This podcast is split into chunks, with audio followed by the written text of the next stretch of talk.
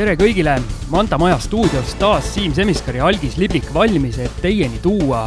podcasti Kinnisvarajutud juba kolmas osa. tere!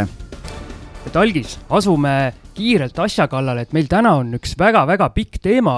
vajab käsitlemist, aga enne kui me selleni jõuame, ma tahan teada, et mis vahepeal siin paari nädalaga sul kinnisvararindel juhtunud on, et jah, selles mõttes eelmine kord, kui lõpetasime, siis ma ütlesin, et hoia pöialt, et võib-olla on üks äh, notar veel tulemas ja, ja tegelikult tollel nädalal see, see tehing aset ei leidnud, sest seal oli selline olukord, et, äh, et kuna see oli kaugtõestuse teel ja müüja volitatud esindaja on Ameerikas, siis tema pidi omakorda saatma selle volikirja äh, paberkandjal, pidi saatma Tallinnasse aga noh, nagu ikka, see ei jõudnud õigeks ajaks kohale ja siis meil tehing lükkus nädala võrra edasi ja siis selgus teine asi veel, et ma ise ei saanudki tehingus osaleda, vaid pidi osalema minu äripartner, sellepärast et et äh, mobiilioperaatori vahetusega mul ei, ei ole mobiil-ID-d enam ja kolimisega suutsin PIN koodid ära kaotada ja Smart-ID-ga ei saa äh, tehingut kinnitada. sa ei olnud allkirja õiguslik? jah, et selles, selles tehingus ei olnud jah, nii et siis osales tema, aga, aga nüüd äh, eelmisel nädalal sai tehtud ja, ja noh, ma sulle neid pilte näitasin, sa ütlesid, et näeb välja nagu üks äh, õudne peletis, aga, aga nüüd teeme sellest äh, koletisest kaunitari siis ja eilsest hakkas remont pihta. kindlasti hiljem saavad need enne ja pärast pildid olema päris huvitavad vaadata, võib-olla jagad meil siis ka kinnisvarajuttude Facebooki grupis, kus meie podcasti arutelu, küsimused saate kõik postitada, aga lisaks ka muid küsimusi küsida. jah, kuna on väike korter, siis äh, tegelikult äh, ma hinnanguliselt arvan, et kuskil kuu aega ja siis on mööbleeritud ja läheb üürniku otsimiseks. ma räägin vahepeal kiirelt enda jutud ka ära, et just siin äh, vahetult meie salvestusele eelneval päeval siis või öösel tähendab, mina jäin jälle nii-öelda kinnisvaraportaale kammima, leidsin paar huvitavat objekti, saatsin jälle nii-öelda, viskasin õnged välja või siis meilid saatsin välja, et tahan vaatama minna ühtegi vastust veel ei ole tulnud, aga aega veel on, anname, anname aega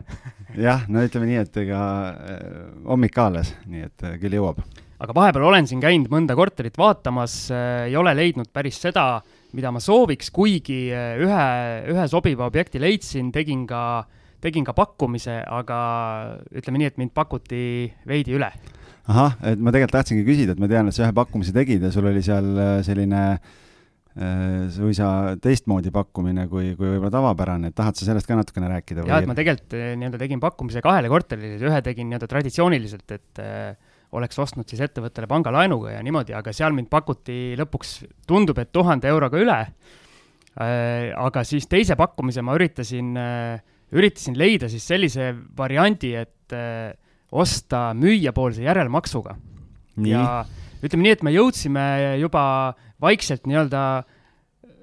väikest viisi arutelul, arutelusoonele, aga ikkagi asi ei katki, kuna mulle tundus, et kõik riskid tahetakse ikkagi minu peale jätta. okei okay., no sellest saame mingi teine teema või saade tegelikult pikemalt rääkida, et mis see järelmaksuga ostmine tähendab ja nii edasi, sest ega selliseid tehinguid, ütleme, väga palju ei tehta, aga seal on omad olulised nüansid, mida teada ja kindlasti äh, kaasaks siia mõne võib-olla spetsialisti ka siis, kes äh, annab nõu, et, et kui selline tehing toimumas on, kas siis teie müüja poole pealt või ostja poole pealt, et mida siis teha, et kõik äh, korrektne oleks ja, ja mõlema poole nii-öelda riskid oleks äh, võrdselt jagatud, mitte, mitte ühele poole kaldu. et mulle just tundub, et erinevaid nii-öelda kinnisvara podcast'e kuulates nii siitpoolt ookeani kui teiselt poolt ookeani, siis see müüjapoolse järelmaksuga ostmine, see on natuke nagu selline ükssarvik, et keegi kohanud ei ole, aga kõik nii-öelda on kuulnud, et selline asi on olemas. jah, ma, minul endal ei ole ühtegi kogemust, ühtegi sellist tehingut ei ole olnud, nii et, et oleks tahtnud huviga kuulata, aga noh, eks siis saad uuesti proovida, et äkki ühel hetkel näkkab. proovime uuesti, jah. nii, aga tänane teema rohkem sissejuhatuse aega me sellele ei kuluta, sest meil on väga pikalt vaja nüüd arutada põhimõtteliselt äh, sellel teemal, et kuidas valida endale sobivat kinnisvaraobjekti, alustades siis otsimisest, mida küsida, mida vaadata, kui minna koha peale korterit vaatama või maja või mis iganes te ostate, ja siis äh, põhimõtteliselt kogu see teekond kuni, kuni tehinguni siis, ma saan aru jah, noh, see on hästi oluline teema tegelikult, sest et noh, eeltöö peab olema hästi põhjalik, teine asi on see, et noh, et koha peal, et ei lähe sealt emotsiooni pealt äh, äh, tehingut tegema, vaid ikkagi on kõik äh, nii-öelda plussid-miinused on läbi analüüsitud ja siis need järeltegevused on ka olulised, mis siis pärast saab, kui sa oled seal kohapeal ära käinud. ma siin oma kuulajatele või tähendab, ise ütlen siis meie kuulajatele, et äh, Algis on äh, super eeltöö taaskord teinud, et äh, põhimõtteliselt äh, kui see mees oma tööd samamoodi või samasuguse põhjalikkusega teeb, siis mina soovitan küll äh, algise poole pöörduda, kui on vaja maaklerabi või kinnisvaranõu, et äh, selle mehe eeltöö on äh, nii, nii põhjalik, et mina selle meili sain ja nüüd me saame siit hakata otsast minema siis. no aitäh sulle, see on tegelikult hästi oluline jah, et ega, ega noh, kui ma klientide, klientide kinnisvaraga tegelen ka, ega siis siis samamoodi nii-öelda müüja esindajana on ju ka see ettevalmistus on hästi oluline ja, ja iga korteri strateegiad ja asjad samamoodi ma müüjana pean mõtlema läbi selle, et, et mis on need argumendid ja strateegiad, kuidas ma selle ostja siis leian, et et peab olema põhjalik, muidu ei, ei saa. Aga jooksvalt siin erinevaid kortereid vaatamas käies ja erinevate maakleritega suheldes, ma ikka tulen selle jutu juurde tagasi, siis äh, on, on ka maaklerid, kes tulevad äh, põhimõtteliselt korterit näitama minu meelest äh, teadmata, mida nad täpselt müüvad, et ise ka seal vaatavad huviga mingeid olukordi. et nii tore, et tulite, et saime ka esimest korda korterisse sisse. umbes niimoodi, jah. ja omanik on ka veel ja omanik teeb töö ära, et, et jah, selles mõttes on, on kahju, et mul on, mul ikka käib jõnks alati läbi, kui, kui sina või keegi teine sellele nagu viitab, sest, sest noh, see on, see on kurb, aga no loodame, et mingil hetkel tekib ikkagi selline äh, mingi sisenemisbarjäär ka, et sa pead ikkagi mingid äh, koolitused või asjad läbima selleks, et maakleriks saada, et muidu on nagu, kui igaüks võib äh, teha, siis, siis ühest küljest tore, nagu ma siin varem olen öelnud, aga teisest küljest see ikkagi nagu, see üldine kvaliteet kannatab kõvasti. No mul oli siin vahepeal jälle üks kogemus selline, kus äh, mina täpselt ei saanud arugi, et miks see maakler sinna vahele on palgatud, kuna aega kokku leppides ei olnud võimalik seda teha, kuna omanik tahtis olla samal ajal nagu kodus, aga ta käis eh, nüüd üheksast viieni tööl kogu aeg, minule õhtused ajad ei sobi, temale päevased ajad ei sobi, aga maaklerile ka võtit ei antud, sellepärast et ta tahtis kohapeal olla. noh, siin ma ütlen, et siin on ikka lihtsalt sellel äh, maakleril on natuke eneseuhkust on vähe või, või enesekindlust, et noh, siis sellist objekti pole mõtet üldse võttagi, et äh, et seal tekibki täpselt see küsimus, et aga mille eest sellele maaklerile siis raha makstakse, kui omanik on kodus, et äh, mina, mina ei kujuta ette, et ma niimoodi tööd teeks nii, aga asume siis tänase põhiteema juurde ja esimene asi, mis, eh, mis sul algis eh, meili kirja pandud on, mille ma sain sult, ehk siis enne, kui sa üldse hakkad otsima endale sobivat objekti, tuleb enda jaoks eh, asjad läbi mõelda. Ja sealjuures sa panid siis kirja kuus punkti, hakkame otsast minema et eh, esimene asi, et kui palju sul raha on. minu jaoks on see esimene, teine ja kolmas asi. noh, tegelikult on see ju, sellest hakkab kõik pihta, et, et, et noh, ma näen seda nii ka nagu äh, nende objektide puhul, mida ma müün, et tihtipeale nagu inimesed tulevad kohale ja, ja siis ma küsin, et noh, et kas te pangaga olete üldse rääkinud, et kas te laenu saate siis noh, ei ole, et noh, et seal võib ollagi lihtsalt see, et sa lihtsalt enda aja kokkuhoidmise mõttes oleks nagu mõistlik, et sa ikkagi enne mõtled nagu läbi või, või noh, vaatad, et kui palju sul on omakapitali kogutud. Ja, ja noh, seal on ka üks variant on ju see, et, et kui me eelmise saate juurde tagasi tuleme, et sa oled ise kogunud eh, mingi portsu ja, ja sul on see omafinantseeringu osa olemas, teine variant on see, et sul on, on kogu raha olemas, kui sa ostad mingi väiksema ühiku, ütleme, on ta kakskümmend tuhat, kolmkümmend tuhat, nelikümmend tuhat, viiskümmend tuhat kuskil Tallinnas või Tallinnast väljaspool, et, et kõik, kõigepealt sellest hakkab pihta, et kas ma saan osta ainult oma finantseeringuga, kas ma tahan kaasata panka,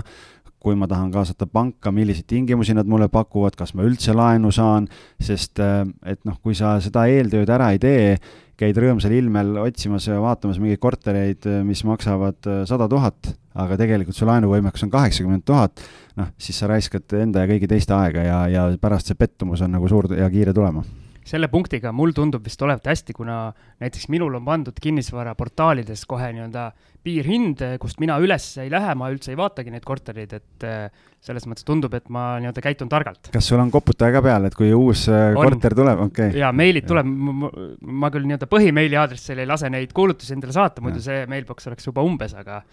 jah, et siinkohal ongi soovitus jah, et, et portaalides saab koputajad peale panna, ehk et kui te teate, et te saate osta näiteks saja tuhande euro piires, siis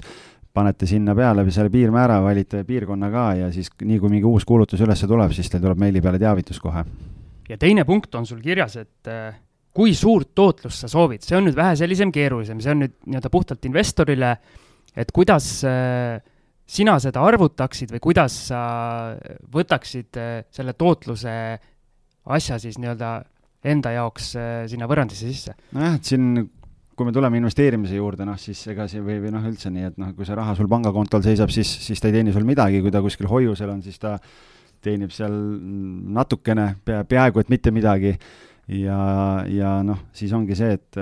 et, et ähm, iga, iga investori ootus on ju erinev, on ju, aga kui me räägime täna nii-öelda alustavast investorist, siis ta võib-olla ei teagi, et kui palju võiks nagu teenida, siis, ma lihtsalt täna ütlen seda, et noh, Ehm, klientidega töötades siin ma ütlen nii, et Tallinnas niisugune keskmine tootluse vahemik jääb sinna viie kuni seitsme protsendi vahele ja, ja korterite puhul ütleme noh, saab ka rohkem, äh, uusarenduste puhul kipub ta jääma nagu väiksemaks, aga noh, ütleme, et, et see tuleb nagu enda jaoks läbi mõelda, et kas, kas on viis protsenti, noh, see arvutuskäik on lihtne, et äh, igakuine üürisumma korda äh, Äh, kui me võtame täitsa nii-öelda lihtsalt ja lakooniliselt, on igakuine üürisumma korda kaksteist ja, ja jagad siis selle korteri ostuhinnaga läbi. vot siin on kohe mulle väike vastulause,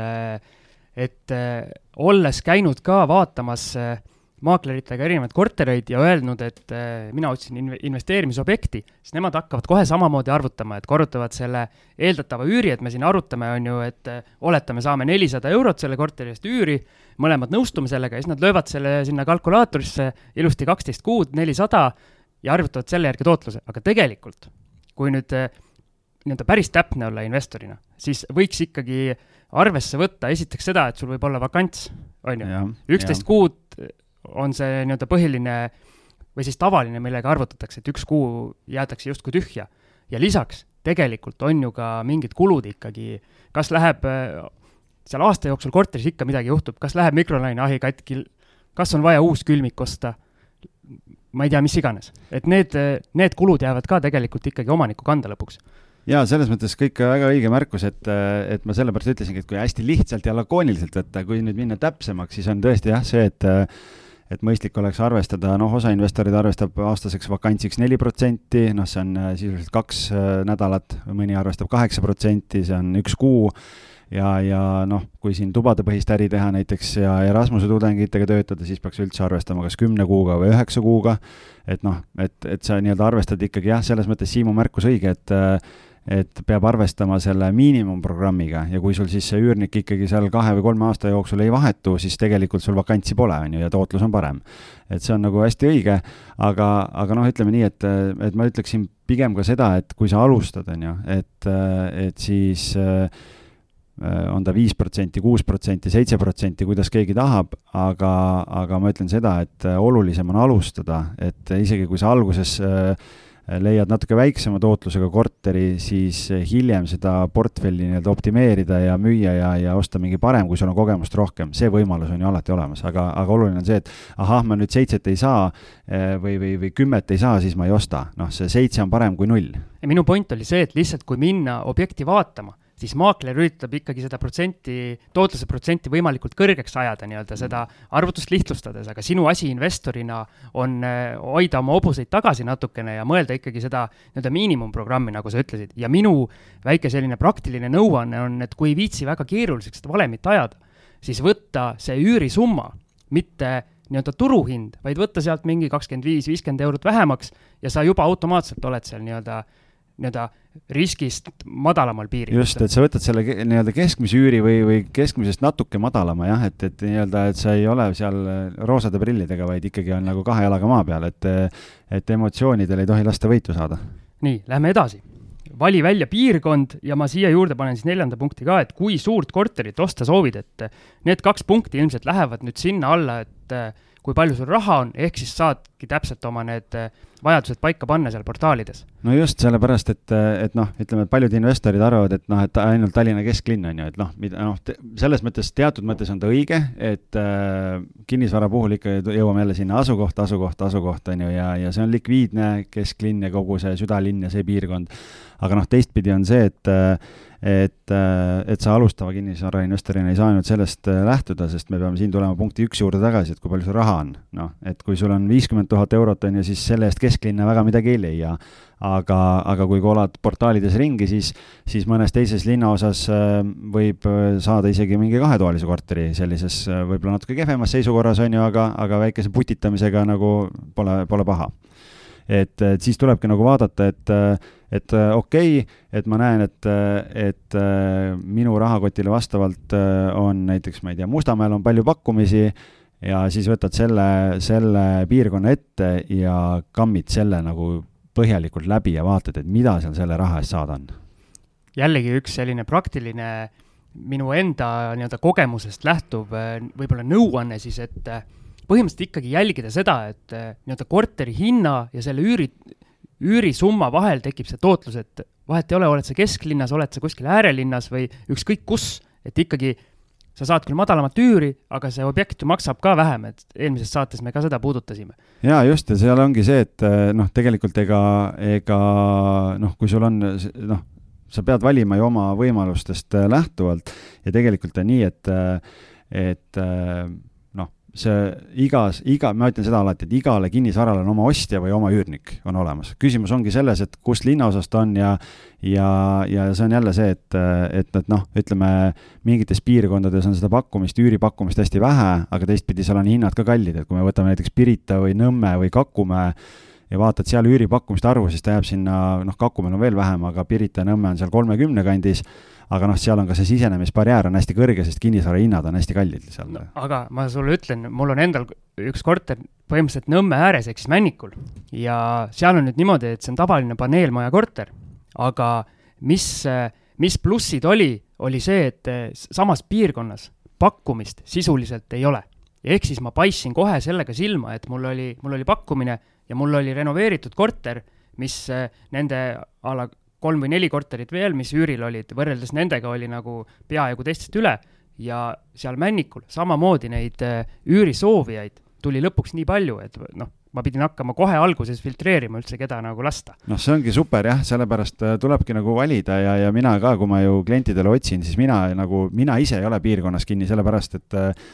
et äh, kõik ikkagi taandub sellele, et mis, äh, mis see tootlus seal on, et kui see, kas see seitse protsenti tuleb sul täna Mustamäelt või, või Lasnamäelt või Kristiinest, jah, teatud likviidsuse vahe on, aga teistpidi, teistpidi nagu ütleme nii, et see võib olla ka selle koha pealt oluline, et kui sa ise täna elad Mustamäel näiteks ja sa ostad korteri, esimese korteri, siis sul võib-olla nii-öelda halduse mõttes on äh, mõistlik äh, leida nii kodule lähedal kui võimalik, et sa ei pea Viimsist sõitma Kakumäele, kui üürnikul mingi mure on, et sellepärast võib-olla võiks natukene vaadata nii-öelda et siin kehtib võib-olla see reegel ka natuke, et hunt murrab kodu juurest, aga, aga ma noh, väga liiga kinni sellesse samasse ei jääks. et igal juhul võiks nagu seda piirkonda tunda. just, ja see annab sulle selle eelise, sest kui sa ise oled seal viimased, ma ei tea, viis aastat elanud, siis sa enam-vähem ju tead, äh, mis seal toimub ja nii edasi, aga aga noh, isegi kui sa ei tunne seda äh, piirkonda või, või turgu ja sa võtad selle ühe linnaosa siis ette, noh, siis äh, kui seal on nagu piisavalt palju pakkumisi, siis mingil hetkel, kui sa vaatad seal piisavalt suure arvu, ma ei tea, viiskümmend, sada sada korterit vaatad läbi, siis sul tekib juba ettekujutus, et okei okay,, et sellesama raha eest võib saada päris erinevat asja. ja, ja sul tekib natukene parem tunnetus ja ettekujutus, enne kui sa vaatama lähed juba. sellega ma olen väga nõus, et äh, olles siin käinud korterid vaatamas ka piirkonnas, mis minu jaoks olid nagu nii-öelda Tallinnas veel üsna niisugused nii-öelda avastamata kohad, siis äh, juba paari vaatamisega tegelikult äh, saab üsna hea nii-öelda märgi maha, et mis seal, mis seal piirkonnas toimub või mida sealt oodata, et, et kindlasti tasub käia korterit vaatamas, aga sealt siis ongi meie nii-öelda järgmised punktid põhimõtteliselt, et nüüd, kui need näitajad, mida jälgida, on olemas, siis on sul kirja pandud, et tee kinnisvaraportaalides põhjalik kodutöö ja vali välja viis kuni kümme korterit. mida sa selle nii-öelda kodutöö all silmas pead? Noh, see on seesama asi, et noh, kui sa oled selle, ma ei tea, viiskümmend või sada kuulutust läbi vaadanud, on ju, siis sul tekib sealt juba eh, nii-öelda seisukorrast eh, tulenevalt tekib mingid arusaam, et okei okay,, et mõni korter, eh, mis maksab seal on vaja võib-olla köök on vaja välja vahetada, teises on värskelt remont on tehtud, aga pole mööblit, et on vaja mööbel sisse panna, kolmandas on see, et vaatad, et okei okay,, seal omanik on läinud kuldkalakest püüdma ja seal on vaja täielik kapitaalremont teha, et see on see eel, noh, põhjalik kodutöö, et kui sa selle töö teed ära, kindlasti soovitan paralleelselt kõrvale vaadata ka seda, et kui palju üüripakkumisi selles piirkonnas on ja, ja, ja noh, näiteks kui sa vaatad, ma ei tea, kolmekümne kolme ruutmeetrist korterit, siis pane pane kinnisvaraportaalidesse üürikuulutuste filtrisse suurusena maksimaalselt kolmkümmend viis ruutmeetrit näiteks või, või kolmkümmend kaheksa ruutmeetrit, et oleks enam-vähem võrdne objekt. Ja siis sa näed ära, mis üürihinda selliste korterite eest küsitakse ja siis tekib jälle selle seisukorrast tulenevalt, saad ka vaadata, et mõnel on seal kakskümmend viis, viiskümmend eurot rohkem ja miks see korter siis äh, nii-öelda kallima hinnaga on kui teine. Ja sealt tekib jälle see ettekujutus, et okei okay,, et äh, et, et kas pigem osta selline korter, mida peaks natuke vuntsima ja sealt tekitada seda väärtuse kasvu või, või pigem peaks siis võtma juba, kui, kui remondiraha ei ole, et nii-öelda renoveeritud korter endale, et, et see kodutöö nii-öelda võiks ka olla tehtud. aga Algis, mis sa sellest arvad, et äh, oletame nüüd äh, väikeinvestoril on selline väike hirm nii-öelda kinnisvaraturule sisenemises, näiteks nagu minul oli tegelikult väike selline nii-öelda plokk oli ees ja mida mina tegin, oli see, et ma korra segan vahele, mis, mis plokk?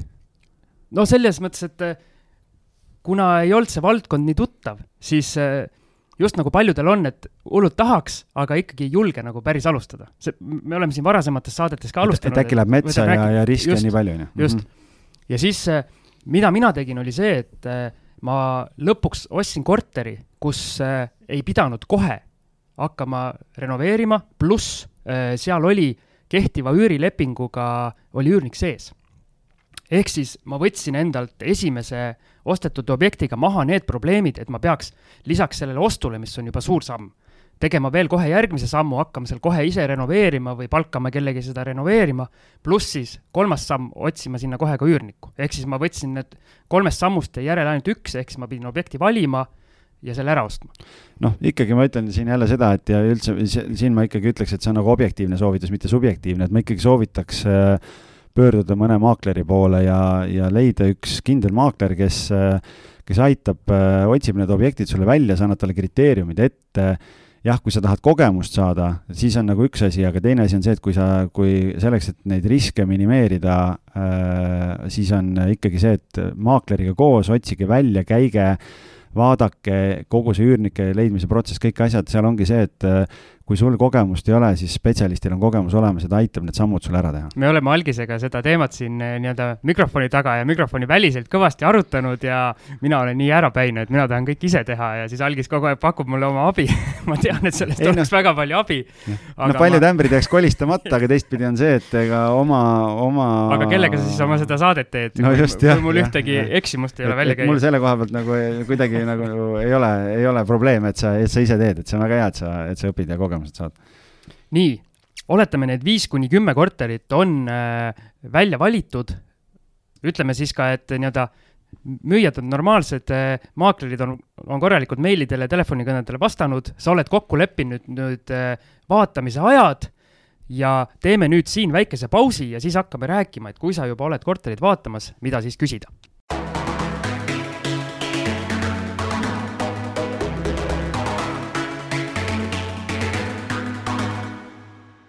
ja väike vahekõll kuulatud, oleme tagasi siin podcasti stuudios Manta majas ja räägime siis põhimõtteliselt objekti otsimisest, kuidas seda teha. ja nüüd oleme jõudnud selle, selle hetkeni, kus sa oled läinud oma potentsiaalset eh, ostetavat kinnisvaraobjekti vaatama esimest korda. ja algisel on kohe, ma vaatan, seitseteist punkti, mida tuleks siis küsida esimene esimene emotsioon minul oli, kui ma neid punkte lugesin, oli, mõtlesin, et ma olen ikka täiesti valesti kõike seda asja teinud aga hakkame siit otsast pihta, siis saame juba lähemalt äh,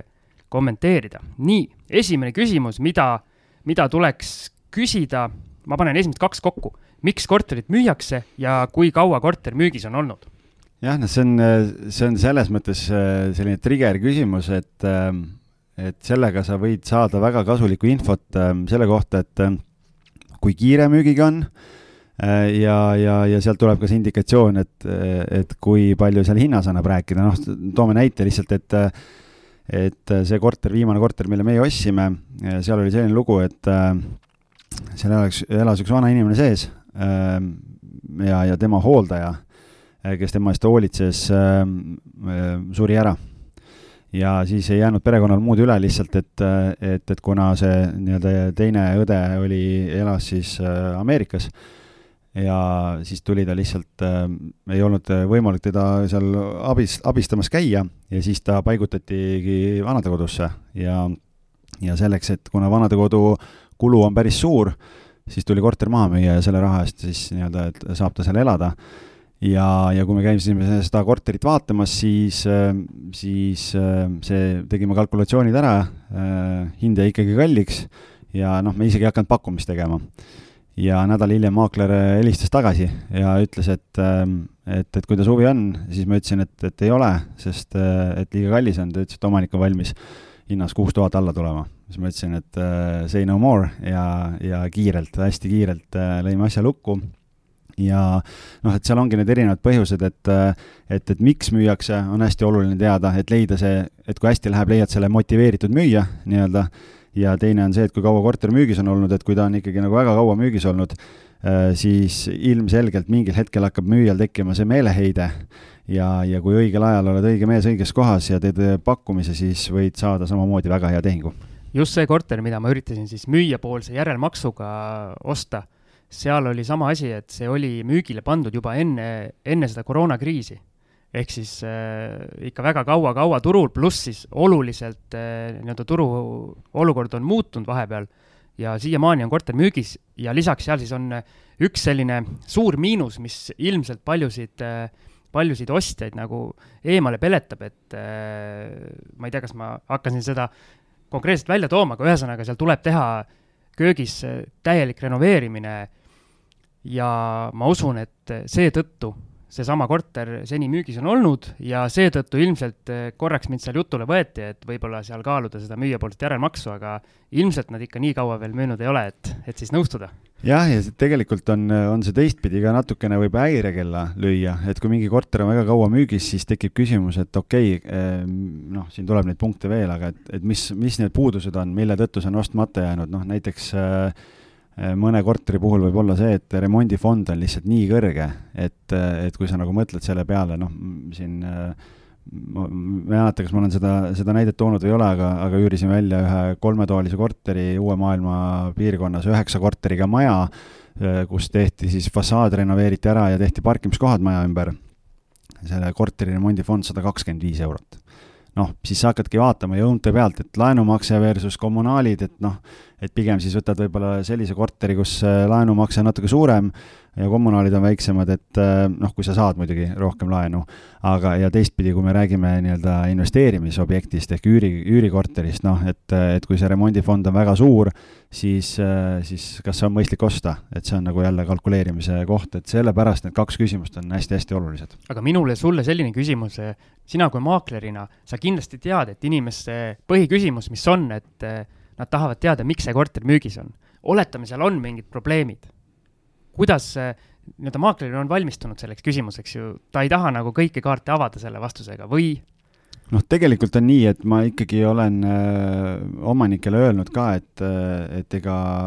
noh, tuleb ausalt rääkida, sellepärast et kui pärast äh, välja tuleb, et on mingid puudused, siis selle jamaga tegelemine, noh, et kas selleks on aega, viitsimist ja tahtmist, et äh, et aga, aga noh, ega, ega kui mina maaklerina ka ju mingeid kortereid müün, ega mina samamoodi kogun info ja küsin omanike käest neid küsimusi, enne kui ma müüma hakkan, aga, aga kas nad mulle alati sada protsenti tõtt räägivad, ega ma ka ei saa kindel olla. aga, aga noh, ütleme nii, et et kui neid küsimusi küsida, siis, siis on näha, et kui konkreetselt vastatakse ja kas hakatakse keerutama või ei hakata ja noh, tegelikult veel need kaks, kaks küsimust peaks nagu alati ära küsima ka sellepärast, et nii-öelda üks kuldreegel ju kinnisvara puhul on see, et raha tehakse ostes mitte müües, et äh, kui sa tahad head tootlust saada, siis mida paremad tingimused sa ostmisel läbi, äh, nii-öelda endale välja räägid, seda, seda tõenäoliselt rohkem raha teenid. ja kolmas küsimus, äh, mis korterisse jääb? minul tekkis siin kohe selline asi, et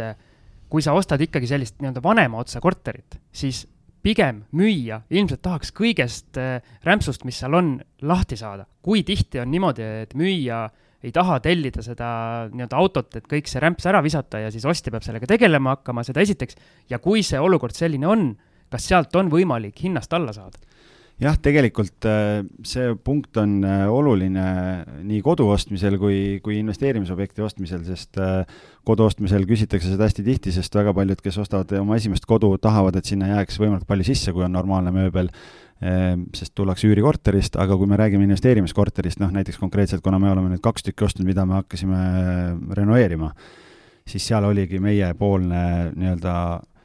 küsimus oli, et et kas korter tehakse tühjaks, et meiepoolne tingimus oli, et me oleme valmis tehingusse minema, kui see tehakse tühjaks, äh, sellepärast et kui me peame hakkama ise seal äh, mööblit välja tassima, kuidagi Facebooki mingeid pilte panema, asju, et kes tahab tasuta, viige ära, siis see on lisaajakulu, et kui me saame võtmed kätte, siis me tahaks ikkagi kohe,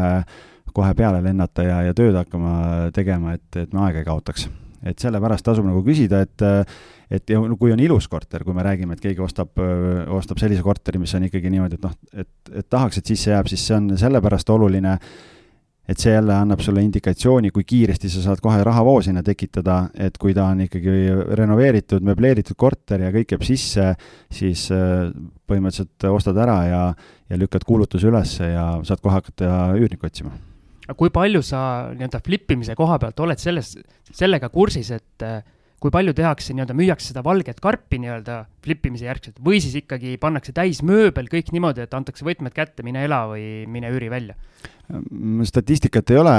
aga, aga ütlen nii, et tehakse mõlemat, et seal hästi palju sõltub ka kindlasti sellest, et millise hinnaga see korter kätte saadakse. et kui sa saad ostmisel nii-öelda paremad tingimused, siis sul võib-olla jääb selline lisareserv või nii-öelda ka mööbli jaoks, et sa Äh, et sa paned sinna mööbli sisse, aga, aga noh, ütleme nii, et et flip imise puhul tihtipeale ikkagi müüakse nagu karpi ka, kuigi noh, köök, köök peab olema sees, on ju, et, et see on muidu deal breaker, sellepärast et pangad köögi ostmist ei finantseeri ja see saab nagu takistuseks kohe. Ja, aga see sõltub ka hästi palju sellest, et millist korterit flip itakse väiksemate korterite puhul äh, tõenäoliselt see mööbli osakaal on nagu suurem äh, ja suuremate korterite puhul väiksem, sest kui keegi ostab endale kolme- või neljatoalise korteri, siis ta tahab tulla tõenäoliselt juba oma mööbliga sinna sisse. järgmised kaks küsimust ma panen taas kokku. kas korteril või majal on olnud või on hetkel puudusi ja teiseks, et kas korteris on tehtud ümberehitustöid, kui jah, siis kas kõik paberimajandus on korras? Jah, no räägime korteri osa kõigepealt võib-olla ära, et see on nagu, see on nagu olulisem, et, ähm, et äh, mitte, et maja, maja ei oleks oluline, aga, aga noh, mis me puuduste all silmas peame, seal võib olla nii, nii ehituslikke asju, nagu sina rääkisid, et oli vaja köök renoveerida, tegelikult sa mulle rääkisid veel rohkem, et seal oli ka mingi hallitus seina peal, mis viitab sellele, et seal võib olla mingid äh, kas mingi ehitusviga või, või, või mingi muu eh, probleem, mis seda siis seal põhjustab ja noh, hallitus on eh, tervisele väga kahjulik, et, et, et seal võib see esmapilgul eh, tunduv remondiraha minna oluliselt suuremaks tegelikult ja sealt kohe tuleb tagasilöök selle tootluse arvutustes. aga, aga noh, üks asi on see, et et kas on olnud mingeid puudusi, siis need puudused võivad olla seotud siis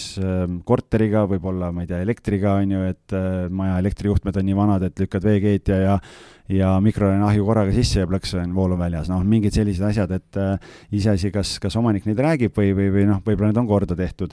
ja, ja teine asi on siis see, et äh, mis on üsna levinud tegelikult, on see, et ostetakse korter endale, nii, Siim ostab kodu endale,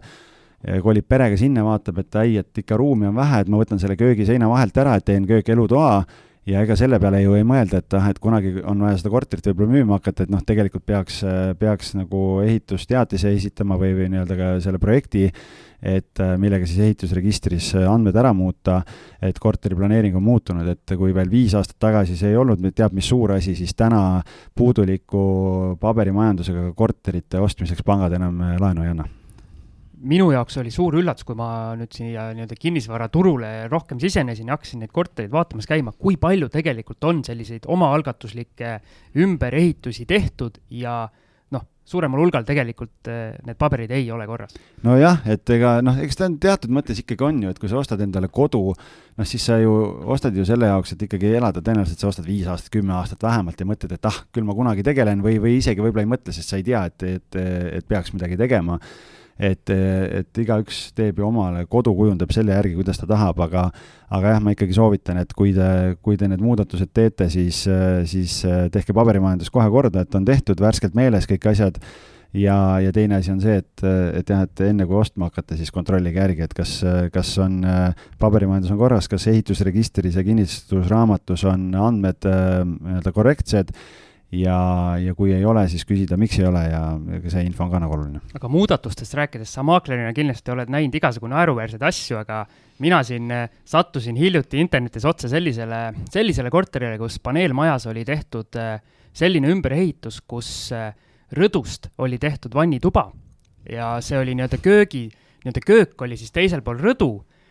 või selle vannitoa kõrval ja vannitoa ja köögi vahel oli suur klaassein. Okay.. ehk siis, kui sa istusid köögis äh, laua taga, siis oli sul klaassein ees ja sa vaatasid otse sinna, kus inimesed käisid duši all. okei okay,, ma nägin ühte kuulutust ka, kus oli köök ja vannituba olid koos, et oli dušinurk oli põhimõtteliselt nii-öelda praepliidi kõrval, väike see klaasseinak oli vahel. Ja, ja siis äh, noh, oligi niimoodi, et väljast mööda käijad, see oli esimene korrus ka veel, said mõnusasti sisse vaadata, et äh, ise seal ma ei mäleta, kas ma sulle saatsin või kellegagi naersime, et huvitav, palju neid binokleid seal põõsas on, mis sinna nagu dušinurka igal hommikul vaatavad, et, et selliseid huvitavaid lahendusi leiab tõesti, et see on ulme, inimeste loovusel ei ole piire. kuna mina kiibitsen neid selliseid väiksemaid ühetoalisi, siis see on minu meelest üsna isegi, võiks öelda tavaline, kus sa otse elutoa diivanilt astud duši, nii-öelda dušikabiini ja lähed pesema no minu jaoks on see kohe nagu selline nii-öelda punane lipuke, et ma ei viitsi üldse niisugust asja minna vaatama. mul üks niisugune naljakas kild meenub sellega, kuidas ma kunagi, kui ma televisioonis töötasin, siis käisin, käisin Šveitsis ühel konverentsil ja, ja kolleeg, teine meesterahvas oli, oli ka ja siis noh, jagasime hotellituba. huvitav hotellituba oli, et et, et noh, noorpaaridele kindlasti hästi sobiv, on ju, aga, aga kaks sellist maskuliinset meest lähevad ja siis klaasist vannituba Äh, või dušinurk, kabiin oli keset tuba. et põhimõtteliselt, kui teine duši all oli, siis sa nägid, on ju. et noh, et selline, ütleme, et äh, ma päris selliseid lahendusi ei ole nagu korterite puhul näinud, aga, aga noh, maailmas võib igasuguseid asju kohata. ja üks asi äh, huvitav, mida ma veel nägin, oli elutoas, oli diivani kõrval suur mullivann ja siis ma isegi helistasin sellele maaklerile ja küsisin, kuna see oli hästi heas asukohas korter äh,, hästi korda tehtud, ja siis ma äh, küsisid, et kas vanni saab hind oli väga madal ja siis äh, nii-öelda ma sattusin maakleriga jutule ja ta ütles nagu ausalt jah, et põhimõtteliselt äh, viissada eurot ruudu kohta tuleb panna ma madalam hind nii-öelda selle asukohaga võrreldes, et äh, lihtsalt kuna seal see mullivann on elutoas ja täiesti ebastandardne asi. on selline lahendus lihtsalt okei okay., ei no huvitav jah, just, ja siis ongi küsimus selles, et noh, et kas, et, et kuidas see, kuidas see pankade silmis kõik paistab. nii, aga läheme edasi. üks asi veel, maja, maja, maja, maja asjad ka, tegelikult on see teistpidi on nagu hästi oluline, sellepärast et, et ähm, hästi palju see puudutab just ütleme katust näiteks või, või ka fassaadi ja, ja seda poolt, et äh, see võib-olla nagu rohkem ka selliseid vanemaid maju äh, just puudutab, kus on võib-olla fassaaditööd on veel tegemata, aga noh, näiteks kui sa ostad endale viimasele korrusele korteri, siis on ülioluline teada, et kas katus on vahetatud majal või ei ole, sest kui kuskilt midagi sisse hakkab pahisema, siis kannatajaks oled sina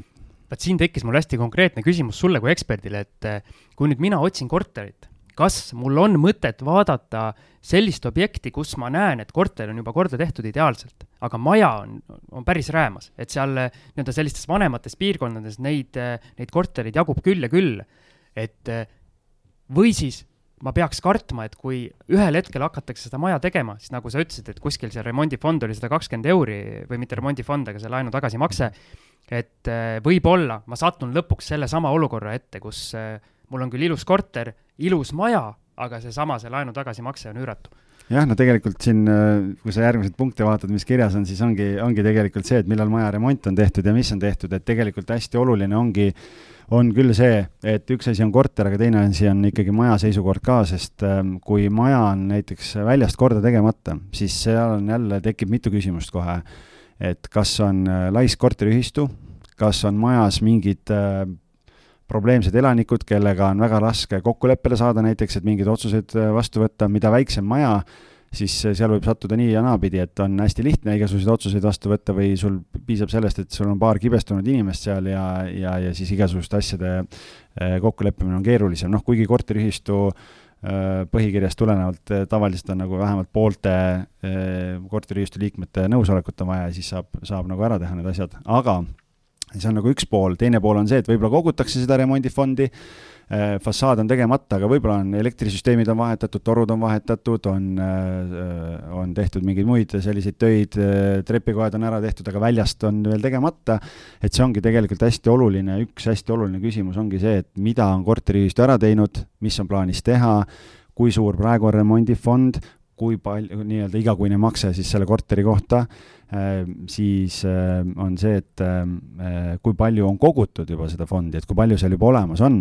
ja mis on siis nüüd need järgmised sammud, et mille jaoks seda remondifondi kogutakse, kas siis võetakse täiendavalt veel laenu juurde, noh, kõik need asjad, et noh, näiteks seesama väike korter, mille me nüüd ostsime seal kaugtõestamise teel, seal on ka niimoodi, et, et ta on ikkagi mikrokorter ja, ja seal on niimoodi, et järgmise aasta jooksul tehakse maja fassaad korda ja siis remondifondi ja laenumakse läheb seitsmekümne euro peale. aga me tegime kalkulatsioonid ära ja me oleme arvestanud seda, et see makse selline tuleb ja see sinna meie tootluse mudelisse mahtus ära, et me, et selle, me ei näinud selles nagu takistust, aga, aga noh, võib-olla sinu mudelisse see ei mahu minu jaoks äh, jälle isiklikust kogemustest lähtudes, kuna ma olen elanud kuskil peaaegu kümmekond aastat paneelmajas, siis minu jaoks on punane lipuke see, kui suur paneelmaja on jäetud nii-öelda räämasse. Sest siis on ilmselt seal see, et eh, keegi seal torpedeerib või siis see korteriühistu on täiesti mitteaktiivne ja nii-öelda üldse, üldse ei tahagi tegutseda, sellepärast et mina elasin majas, kus põhimõtteliselt kasutati ära kõik riiklikud meetmed, mis pakuti, seal erinevatel linnaosadel on mingid nii-öelda abimeetmed, et parkimiskohtade juurdeehitamised, mis iganes. ehk siis lõpuks kõik need laenumaksed ja kõik olid hästi mõistlikud. ja majas kogu aeg midagi toimus, kogu aeg midagi jälle parandati ja ehitati. Jah, see on äh, tegelikult jah, praegu just eile lugesin uudist ju, et jälle kaksteist miljonit eraldatakse selleks, et äh, nii-öelda mingit kindla tüübiga paneelmajade renoveerimiseks, et äh, seal on lihtsalt vaja, seal võib olla lihtsalt see, et nende vanade mingite paneelmajade puhul, kus on tegemata, on see, et see Serioga on viimased kakskümmend aastat olnud seal korteriühistu esimees ja, ja võib-olla on kuuskümmend, seitsekümmend aastat vana, ta ei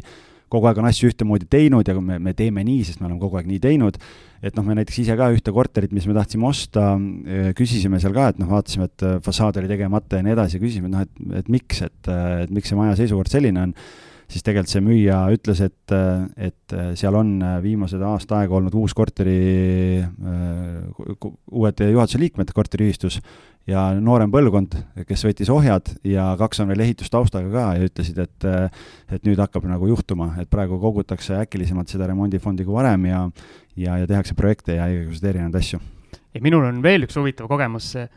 käisin Nõmmel ühte, ühte korterit vaatamas, seal oli huvitav niimoodi, et korteriühistu oli nagu kahe maja peal, et oli suur maja ja selle kõrval oli selline nii-öelda väiksem maja ja neil oli ühine ühistu ja seal oli veel selline olukord, et seal väiksemas majas, kus ma korterit käisin vaatamas, elas nagu kolm, nii-öelda kolm perekonda, kellest üks siis müüs. ja maakler mulle ausalt rääkis ära, et eh, miks see omanik müüb, on selle tõttu, et ta lihtsalt ühe naabriga ei saa üldse läbi. et täielik vihavaen, et põhimõtteliselt ta peab sealt ära liikuma. ja siis ma küsisin maakleri käest, aga, aga nii-öelda kuidas ta saab mulle öelda, et näiteks kui mina selle ostan, et see naaber kohe nii-öelda minuga mingit tüli nagu üles ei tõmba, sellepärast see, see naaber, tema poolt oli see maja täiesti räämas, see oli niimoodi, et kaks kolmandikku majast oli nagu suurepärases korras ja üks kolmandik oli sisuliselt nagu lagunes, katus oli sisse kukkunud pooleldi ja. noh, see näitabki seda, et küsimus ei olnud selles naabris, kes müüs, on ju, vaid selles teises naabris ja tõenäoliselt ükskõik, kes sinna kolib, ega need probleemid ei muutu, et äh, et äh, jah, sellepärast ongi, ma ütlen, et äh, tunnen kaasa nendele müüjatele, kellele on sattunud sellised naabrid, aga seal aga oli veel see probleem, et seal suuremas majas oli rohkem korterid, ehk siis nende hääled nagu kõlasid jõulisemalt kui seal väikse maja omad ja ma ütlen, igasuguseid probleeme leiab nagu, mis on aja jooksul tekkinud. jah, et see on sellepärast jah, jälle, ma ilmselt iga saade ühe korra ütlen seda, et üheksa korda mõõda ja üks kord lõika, et sellepärast see eeltöö ja need küsimused ongi hästi-hästi olulised nii, ja nüüd tulebki meil äh, järgmine punkt, et äh, millal korteris viimati remonti tehti ja kas siis tehti terves korteris või osaliselt? jah, noh, see, see määrab ära selle, et äh, kui palju sinna vaja raha sisse panna, et üks asi on selline visuaalne pool, et noh, näiteks ise müün ühte korterit, järgmisel nädalal on, on notar, kus on niimoodi, et on on ähm, kolmetoaline korter köök elutoas ja suuremas magamistoas on remont tehtud, väiksemas, väiksemas tegemata, sest omanik, ja vannitoas ka tegemata,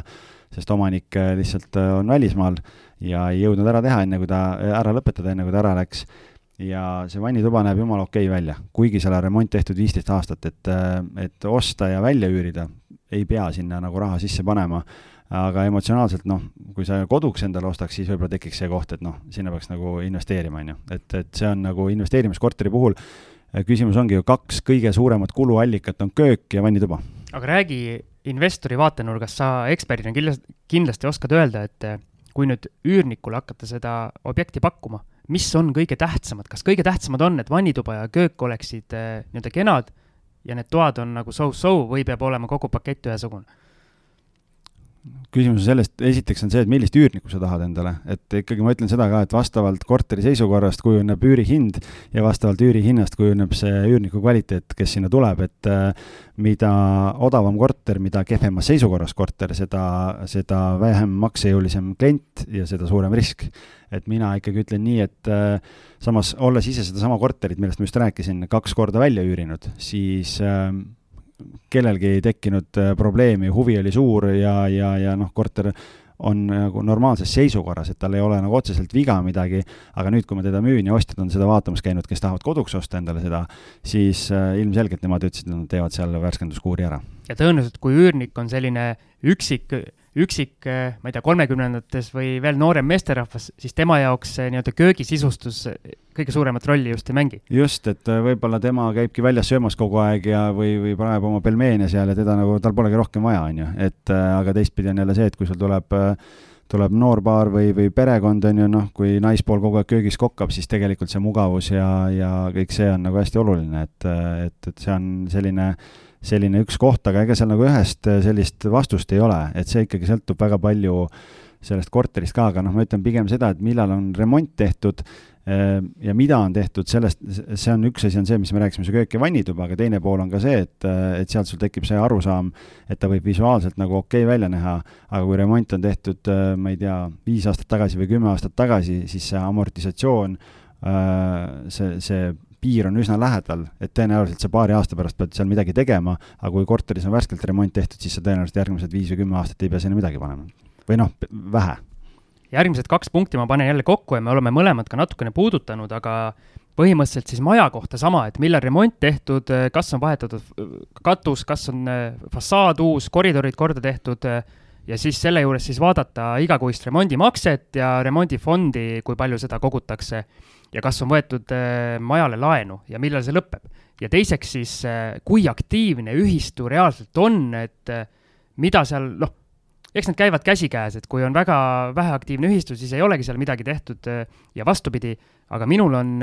põhimõtteliselt selline küsimus, et kas sa soovitad võtta ühistu esimehe kontakte näiteks temale nii-öelda helistada, kui on tõeline huvi seda korterit osta? kindlasti tasub seda teha, et, ähm, et, et küsida, et, et sealt nagu lisainformatsiooni saada ja, ja, ja noh, lihtsalt küsimus on selles, et väga paljudel kortermajadel on haldusettevõtted, mitte üldse korteriühistu ei tegele haldamisega, vaid on haldusettevõte võetud ja, ja noh, vähemalt minu kogemus näitab küll seda, et kui nagu haldusettevõte on ja sinna helistada, noh siis on natuke keeruline, sellepärast et noh, sa oled võõras inimene kes äh, antud maja asjadesse kuidagi ei puutu ja ega nad ei taha seda infot väga välja anda, aga, aga noh, näiteks ühe korteri puhul oligi niimoodi, et äh, et omanik müüs seda korterit ja, ja siis oli niimoodi, et, et ma mõtlesin, et okei okay,, et ma küsin, küsin üle, et kuidas selle korteri seisukord ja asjad on on selle nii-öelda haldusettevõtte või, või, või sealt selle ühistu poole pealt. ja siis noh, nad alguses ütlesid, et ei, me teile küll mingit infot ei anna, ma ütlesin, et ma tahan osta seda korterit investeerimise eesmärgil. kui ma omanikult ei saa infot, mida on majas tehtud, mis on plaanis teha, mille jaoks kogutakse, et kust ma seda infot siis saan, et mille põhjal ma seda otsust teen. Ja siis sealt äh, oli väga huvitav oli see, et koorus välja tegelikult see, et, et mis korterit te osta tahate, noh siis ma ütlesin, ütlesin selle numbri ja siis ta ütles, et ahah, okei okay,, ah see korter. ma ütlesin, no nii, ja siis tuligi, noh, selgus, et seal rõdu oli avariilises seisukorras, mida kuulutuses välja toodud ei olnud, millest omanik midagi ei rääkinud ja ja sealt koorus nagu päris sellist kasulikku infot, äh, mis lõpuks siis, kui ma omanikuga rääkisin, siis tuli sealt sellist ümmargust mulli ja siis ma sain aru, et okei okay,, et tegelikult taheti nagu müts üle või müts pähe tõmmata. Ja siis ma ütlesin sorry, aga seda korterit ma ei osta, et äh, et, et sellepärast on väga hea küsimus oli see, et kindlasti tasub uurida, iseasi, kui palju te seda infot kätte saate. Siin on taaskord see koht, kus tegelikult peaks sellise eksperdi nagu Algis endale appi, appi palkama, et äh, mütsi pähe sulle ei tõmbataks. aga ma siin saan vahepeal öelda, et minu äh, nii-öelda pingutused öösel on vilja kandnud, et äh, esimene maakler helistas mulle siin vahepeal lindistuse ajal. vastu loomulikult võtta ei saanud, meil on tähtsamaid asju teha. aga läheme edasi üheksas punkt, kas keldrimagistraalid on vahetatud ja sul on sulgudes pandud, et kolmekümne aasta tagant äh, peab vahetama, et räägi nüüd, mida see tähendab? noh, ega see tegelikult sellele punktile liiga palju tähelepanu ei tasu pöörata, aga noh, oluline on teada tegelikult, et noh, et kogu maja, kogu maja ja noh, ma võtaks selle kümnenda punkti siia juurde tegelikult, et kas äh, nii-öelda kanalisatsiooni veeküttepüstikud on vahetatud, et, et see on sellepärast oluline teada, et äh, et kas maja, maja torustik ja, ja kanalisatsiooni osa ja nii-öelda vee ja, ja kõik see pool on vahetatud või ei ole, sest kui on näiteks selline maja, kus äh, püstakud on vahetamata ja sa ostad selle ja mõtled, et nii, ma teen nüüd täiskapitaalremondi ära ja teed vannitoas mingi korraliku remondi ja siis selgub, et aasta pärast äh, või on korteriühistul plaanis hakata neid püstakuid vahetama siis öö, tuleb su vannitosein lahti lõhkuda äh,, lahti lõhkuda äh,, jah, ma mõtlesin, kas läks vastu, valet pidi või läinud, tuleb lahti lõhkuda ja, ja siis äh, pead hakkama uuesti remonti tegema, et äh, tegelikult siis on oluline teada juba, et kui see vahetamine on plaanis äh,, siis tuleks see vannituba niimoodi ehitada, et sinna püstakutele on võimalik ligi pääseda niimoodi, et vannitoale väga suurt kahju ei tehta, kui, kui see töö ära tehakse. Kas ei ole niimoodi, et osades paneelmajades on need püstakud üldse sellises nii-öelda mitte nagu vannitoas, vaid seal nii-öelda kõrval vähemalt jah, on eraldi, eraldi ruum nagu. Ja, ja, ja on jah, aga, aga noh, see sõltub jälle hästi palju majast, et, et, et enamus äh, majades on ta vannitoas. No näed, ma saan jälle targemaks, see on üks hea saade, siin saab alati targemaks. Nii, võtame siis punkt üksteist. Kui suured on suvised ja talvised kommunaalid, et eh, ma arvan, et see on nüüd küsimus, mida kõik koduostjad pluss siis ka investeerimisobjekti ostjad kindlasti küsivad. ja, ja kui ei küsi, siis, siis ma ei tea, mis te üldse teete seal, et, et noh, tegelikult kuna et kui te ostate ju, kui te ostate endale investeerimisobjekti, siis peab ju arvestama sellega, et üürnik maksab kommunaalid. Ja nüüd on küsimus selles, et millised need kommunaalid, kui suured need on, esiteks, et kui üürnikul on valida, kas ta võtab viiesaja eurose Äh, üürikorteri, kus on kakssada eurot, on kommunaal või ta võtab kuuesaja või viiesaja viiekümne eurose üüriga korteri, kus on sada viiskümmend eurot kommunaal, noh siis, siis kui sul on nagu liiga suured kommunaalid, siis ma ütleks, et sa äh, oled mängus kaotaja ja, ja noh, seal nende aastate jooksul, mis mina korterit siin müünud olen ja üürile andnud, äh, ma ütleks niimoodi, et et kuidagi on jäänud selline tunnetuslik äh, nii-öelda number, et, et selline Tallinna keskmine on äh, kaks koma viis eurot ruutmeetri kohta aastas, aasta keskmine. suvel vähem, ütleme võib-olla poolteist kuni kaks eurot äh, seal ruutmeetri kohta, et kui sul on viiekümne ruutmeetrine korter, on ju, siis ütleme selline võib-olla seal kaheksakümmend kuni sada eurot kuus ja kui sul on äh, talvel on siis seal ütleme võib-olla kaks pool kuni kolm eurot ruutmeetri kohta, et selline sada, sada kuni sada viiskümmend eurot kuus kui see aasta keskmine on üle kahe koma viie euro, siis on kehva maja. ja see on jälle investeerimise seisukohast hästi oluline teada ja, ja loomulikult äh, veel eraldi on siis see, et äh, see remondifond ja laenumakse, et kuna, kuna neid sa omaniku käe- või üürniku käest küsida ei saa, isegi kui sa paned üürilepingusse punkti ja ta on teadlik, et ta maksab ja nii edasi ja blablabla bla, bla, bla, bla, siis see tegelikult on õigustühine ja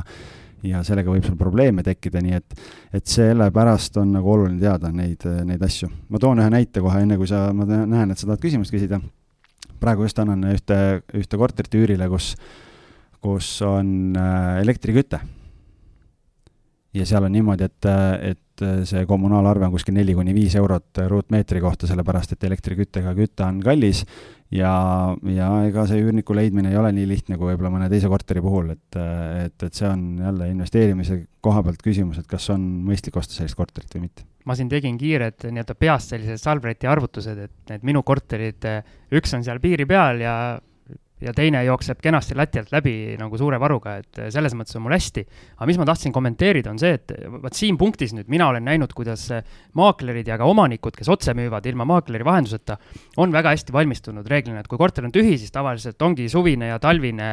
kommunaalide arve on kenasti seal kuskil laua peal ootamas või siis nii-öelda edasijõudnumad maaklerid lausa tulevad, pistavad sul nii-öelda mapi vahel need asjad pihku ehk siis äh, seda küsimust osatakse oodata. jah, ja aga tegelikult on see, et ma ei, ma ei, isegi ei küsiks võib-olla nagu ainult suvist ja talvist, et kui sa investeerimise eesmärgil ostad, siis mina küsiks viimatist, viimase kaheteist kuu kommunaalarveid ja seal on äh, üks põhjus ongi see, et äh, vaadata seda, et kas see remondifond on olnud kogu aeg ühesugune või mitte. jälle remondifondi koha pealt saan öelda nii, et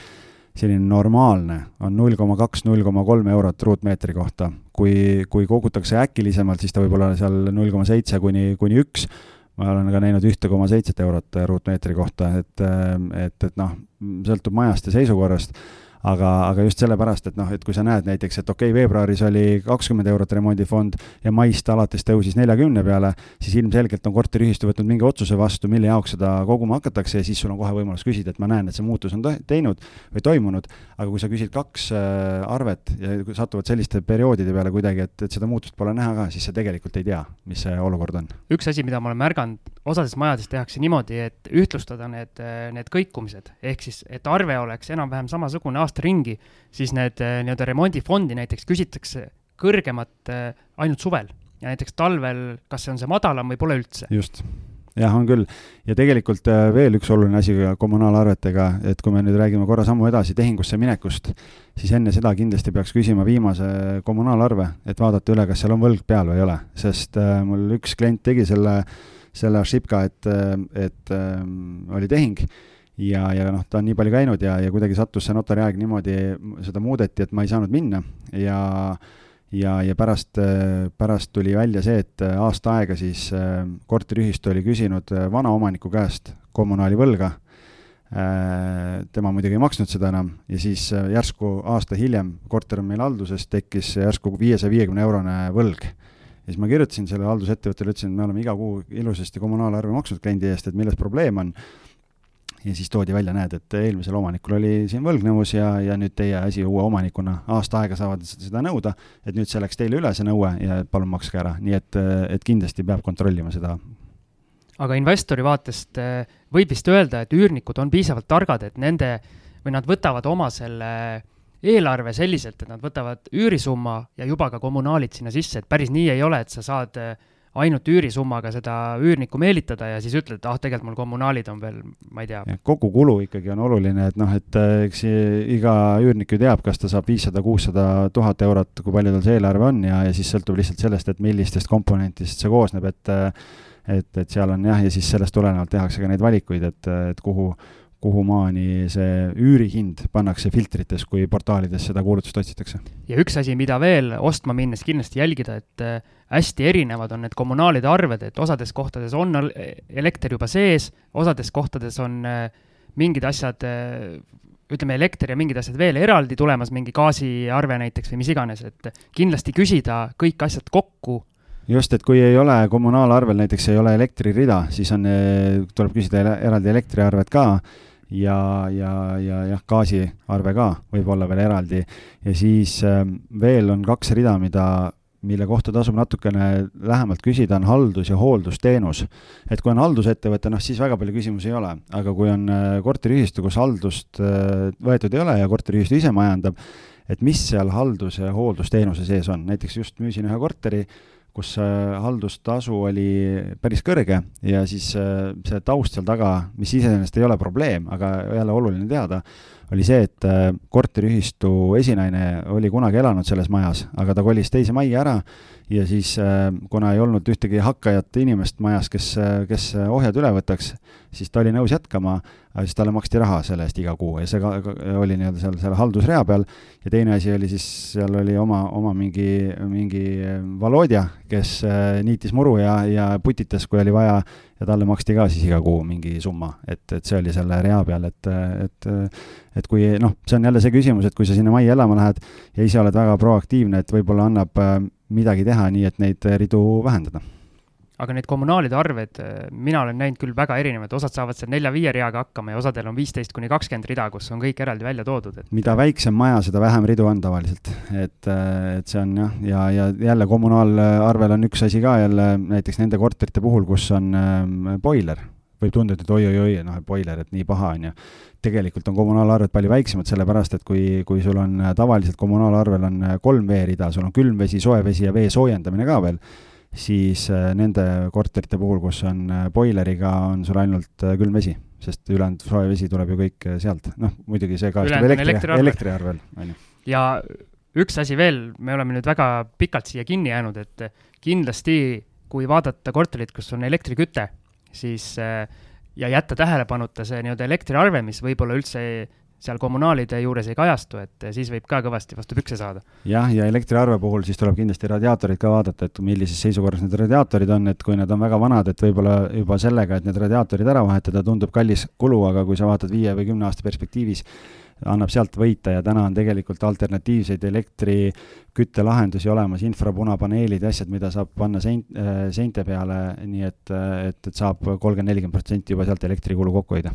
aga lähme nüüd edasi ja kui me just siin küttest räägime, rääkisime, räägime siis äh, sellisest loomulikust kütteelemendist ehk päiksest, et äh, tuleb siis küsida, et kust paistab päike. aga miks see, miks see päike mind huvitab? Noh, küsimus on selles, kui valgusküllane see korter on, on ju, ja, ja seal on ka jälle mitu aspekti, et ühe koha pealt see, et, et päikesepoolne korter, sul on rohkem valgust, võib-olla ka selle koha pealt, et kui sa hakkad seal remonti tegema, millistes, kuidas seda korterit sisustada, et kui sul on väga pime korter, et sa paned, teed pimedates toonides mingi disaini, noh, siis ta võib-olla ei, ei paista nii atraktiivne välja. Selle koha pealt ja teine pool on see, et, et et kui soe sul korteris on, et kui sul on päikesepoolne korter, siis tõenäoliselt on, on seal kogu aeg soe, aga seal võib olla ka veel teine pool, et on, on olnud näiteks mul selliseid kortereid äh, siin müügis, kus on hästi suured aknad ja, ja on päikesepoolne korter ja seal läheb väga palavaks suvel ja siis on teistpidi küsimus, kas jahutus on olemas, kas on kliimaseade või mingi asi olemas, et kui ei ole ja elad seal kasvuhoones, on ju, noh, siis on teistpidi probleem jälle. aga läheme kiirelt edasi, me siin juba tund aega sai täis kenasti. nii, kes on naabrid ja kas naabritel on koduloomi, et naabrid, mida suurem on maja, seda, seda teravam see küsimus ongi ilmselt. jah, no see on seesama, jõuame sinna tagasi, mis sa ise enne rääkisid, on ju, et piisab ühest kehvast naabrist ja elu on rikutud, et et sellepärast ma, sellepärast ma soovitan ikkagi käia,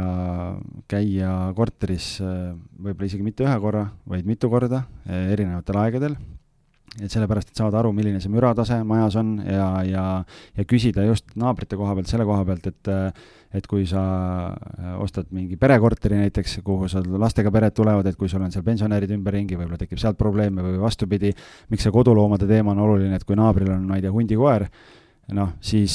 kes võib-olla haugub kogu aeg, on ju, siis et, et kui naabrid trepikojas liiguvad ja omanikku kodus ei ole ja sa tahad ise päeva ajal kodus olla kodukontoris või üürnik tahab kodukontoris tööd teha näiteks, see segab teda, kohe on probleem jälle.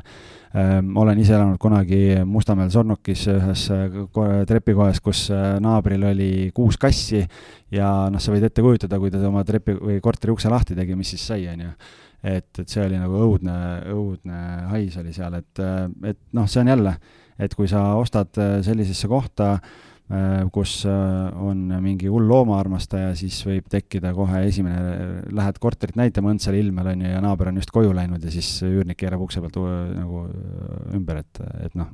oluline teada. siin hiljuti just meediast käis ka läbi üks lugu, kus siinsamas Nõmmel kuskil osteti, oli vist majaosa ja põhimõtteliselt hakkas siis naaber täielikult terroriseerima seda perekonda ja ei olnud, ei olnud ilus. jah, ja see noh, see naabrite teema on hästi-hästi oluline, tundlik, aga teistpidi ma ütlen jälle seda, et et kortermajade puhul peab arvestama sellega, et teatud müra ja helid on sinna sisse kirjutatud ja kui see ei sobi, siis tuleb metsa elama kolida lihtsalt. nii, järgmine punkt, et mis on ümbruses, kui kaugel on lähim lasteaed, kool ja pood kas Tallinnas äh, on see üldse oluline? meil see nii-öelda infrastruktuur siin pealinnas on ju piisavalt hea või mitte? noh, tegelikult ega sa saad kuulutustest selle info ka kätte, et seal on all, täna on juba portaalid on nii-öelda edasi arendanud oma asja, et see iga kuulutuse all on näha, kui mitusada meetrit on bussipeatuseni ja kooli ja lasteaeda. lihtsalt sellepärast võib-olla oluline teada, et, et kui kui tuleb äh, mingi lastega pere näiteks, äh, noh, et kui mugav see neil on ja, ja sa saad nagu kohapeal rääkida, et võib-olla inimene tuleb kohale küll, Siim tuleb oma, oma kolme lapsega, tuleb äh, korterit vaatama, on ju, noh, ta teab, et, et pood on kolmesaja meetri kaugusel, aga kus, kuhu poole see jääb, kas ma pean üle tee minema näiteks lastega või ei pea, on ju, noh, kõik, kõik sellised asjad, et kus on mänguväljakud, mingi selline ümbruskond ja, ja kogu see info, et sõltuvalt sellest, millist korterit sa ostad, on oluline teada neid asju millal lõpeb korteri garantiiperiood ja see on sul sulgudes siis pandud, et eh, juhul, kui osta siis uusarendust? ja see on uh, huvitav uh,, huvitav punkt, sellepärast et teel siia telefoni teel rääkisin just ühe, ühe kliendiga, kelle maja ma kunagi maha müüsin, nad ostsid korteri ja ja nad on nüüd üle aasta aja seal elanud ja, ja on ilmnenud mingid puudused korteris ja ja siis oligi küsimus, et noh, et millal neid puudusi tullakse parandama, on ju, et kas jooksvalt või, või garantiiperioodi lõpus ja siis seal arutasime ja, ja andsin nõu natukene et, et see on nagu sellepärast oluline teada, et kui keegi on aasta tagasi ostnud endale uusarenduse korteri, siis ehitusgarantii kehtib kaks aastat tavaliselt eh, või tähendab, eh, on isegi viis aastat seadusest tulenevalt, aga, aga nii-öelda, nii-öelda garantii korras tehakse kaks aastat, eh, kahe aasta pärast tehakse tööd ära. Ja kui on näiteks, ma ei tea, kaks pool aastat, kolm aastat vana korter ja sa näed, et lae, laenurgad ja kõik on või, või akende ümber on praod, siis ilmselgelt on garantii tööd tegemata ja siis on küsimus, miks ja, ja noh, et kas sa siis hakkad ise tegema neid või, või mis see probleem seal on? Ja siis viimased kaks punkti, mis sul kirjas on, on vist ka sellised küsimused, mida alati äh, ikkagi küsitakse, et kas on olemas panipaik ja kas on olemas parkimine. Ja kui parkimist ei ole, et kuidas siis äh, see korraldatud on seal maja ümber? jah, sest äh, et kui sa ostad nagu ühe või kahetoalise korteri investeerimiseks, siis tõenäoliselt elu seisma ei jää, kui sul parkimiskohta ei ole aga kui sa oled äh, rahakam äh, investor, kes otsib võib-olla kolmetoalisi või neljatoalisi korterid ja, ja keskendub sellisele jõukamale segmendile natukene, siis seal on ühe või kahe parkimiskoha olemasolu ülioluline ja kui, kui sa ostad kuskile äh, magalapiirkonda, kus noh, pehmelt öeldes nagu uputab autodest, on ju, siis see on väga oluline teema, et kuidas see parkimine seal korraldatud on. aga nüüd need punktid, mida siis küsida müüja käest koha peal said meil ammendatud, teeme veel siia väikse pausi ja paneme siin tempoga veel selle lõpu ka ära.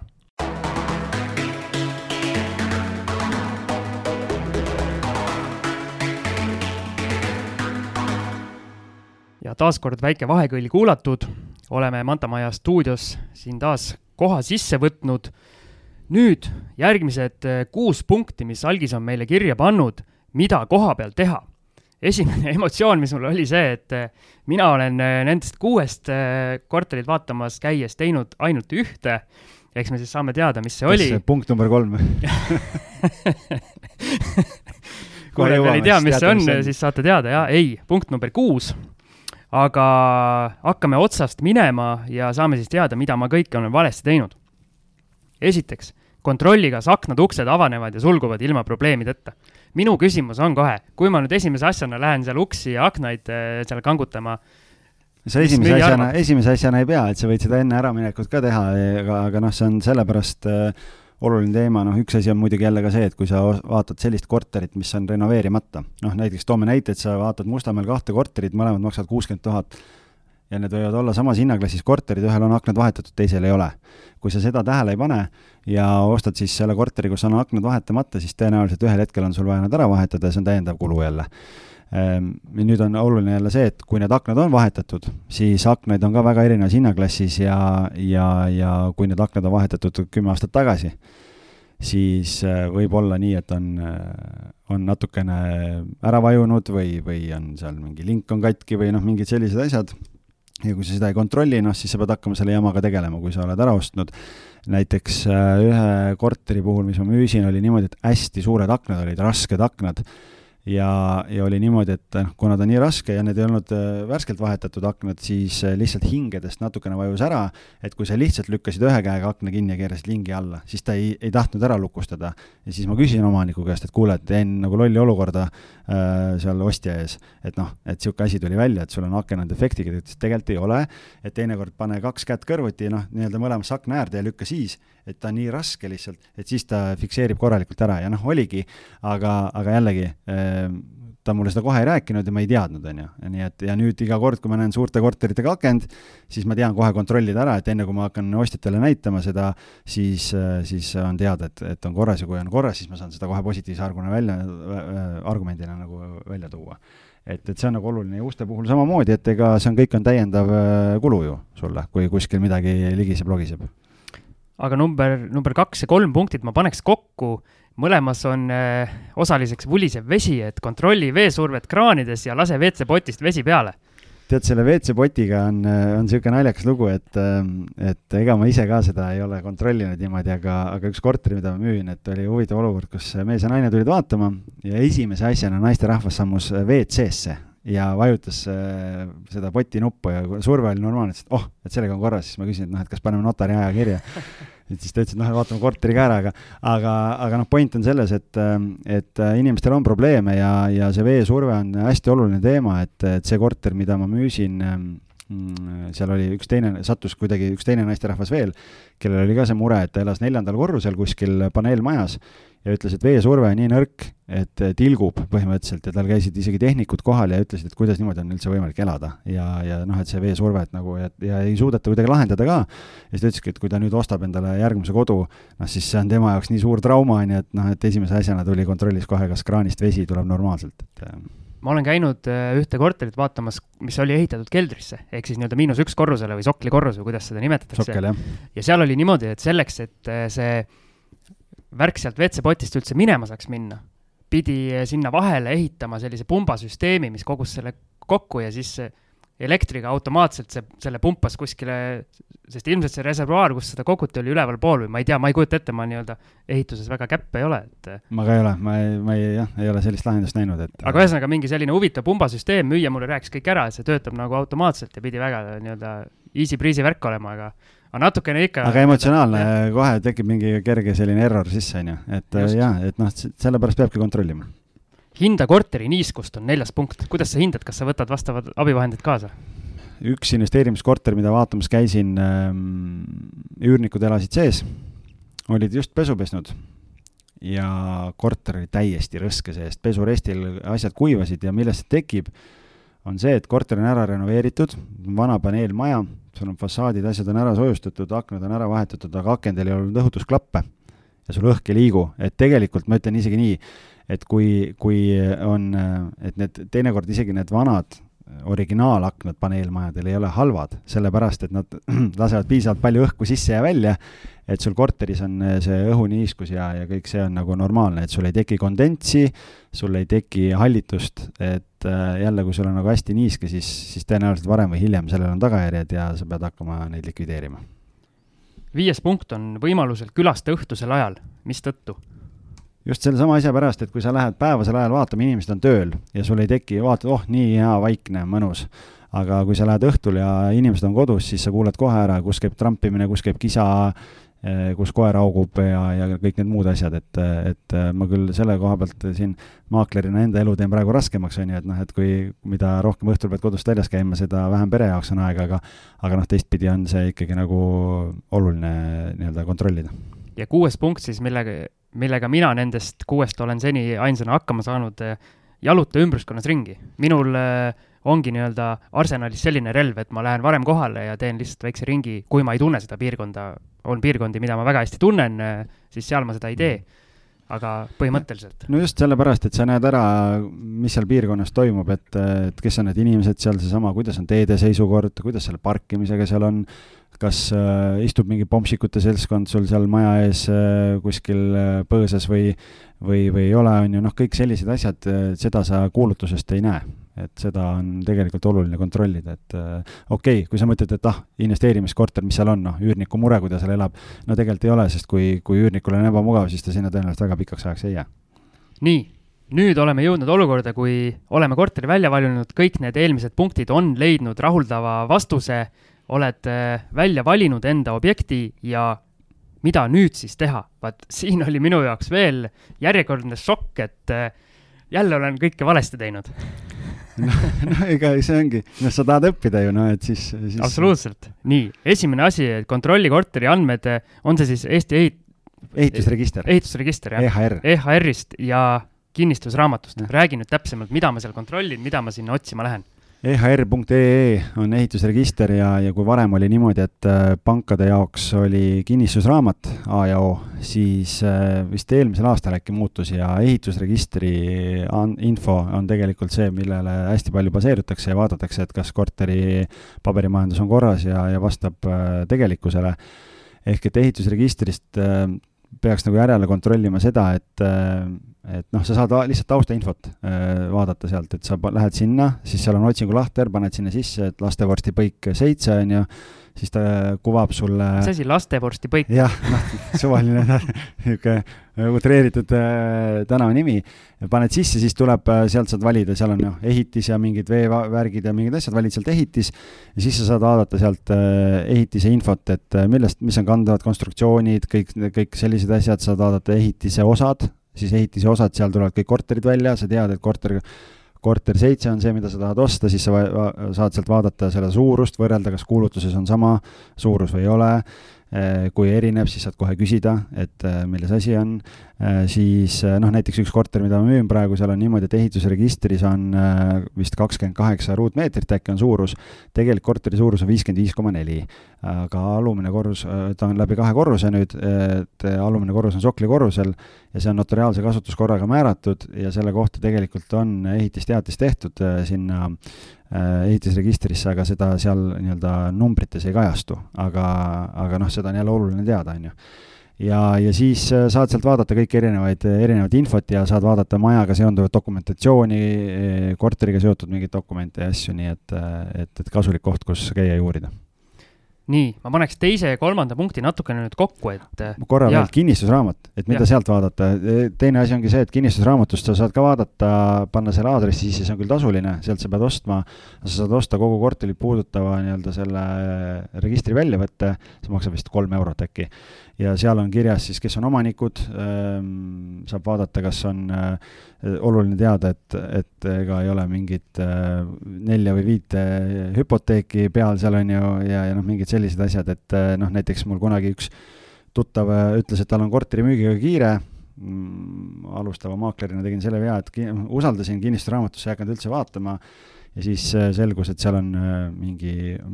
kolm või neli hüpoteeki, korteri väärtus oli mingi sada seitsekümmend tuhat, hüpoteek oli mingi kolmesaja või neljasaja tuhande eest, mis tähendab seda, et ta oli hirmsates võlgades ja, ja, ja korteri müügist ta ei oleks kõikide võlausaldajate nõudeid ära saanud katta, mis tähendas seda, et minul seda müüa polnud võimalik, see läks kohtutäituri kätte ja ja kes siis tegeles nende asjadega lõpuks edasi, et, et, et noh, kui sa seda ei kontrolli, siis, siis sealt võib ka igasuguseid üllatusi tulla. aga kas need hüpoteegid lõpuks ju tulevad notaris ikka välja? Jah, nad lõpuks tulevad ikkagi välja, aga noh, siis sa säästad oma aega jälle, noh, pole mõtet ju seda, kogu seda ülejäänud virvarri teha ja võib-olla jääd mõnest teisest heast objektist ilma, sellepärast et sa oled selle objekti just välja valinud. aga teine ja kolmas punkt siis, äh, ma lükkan nad kokku, et äh,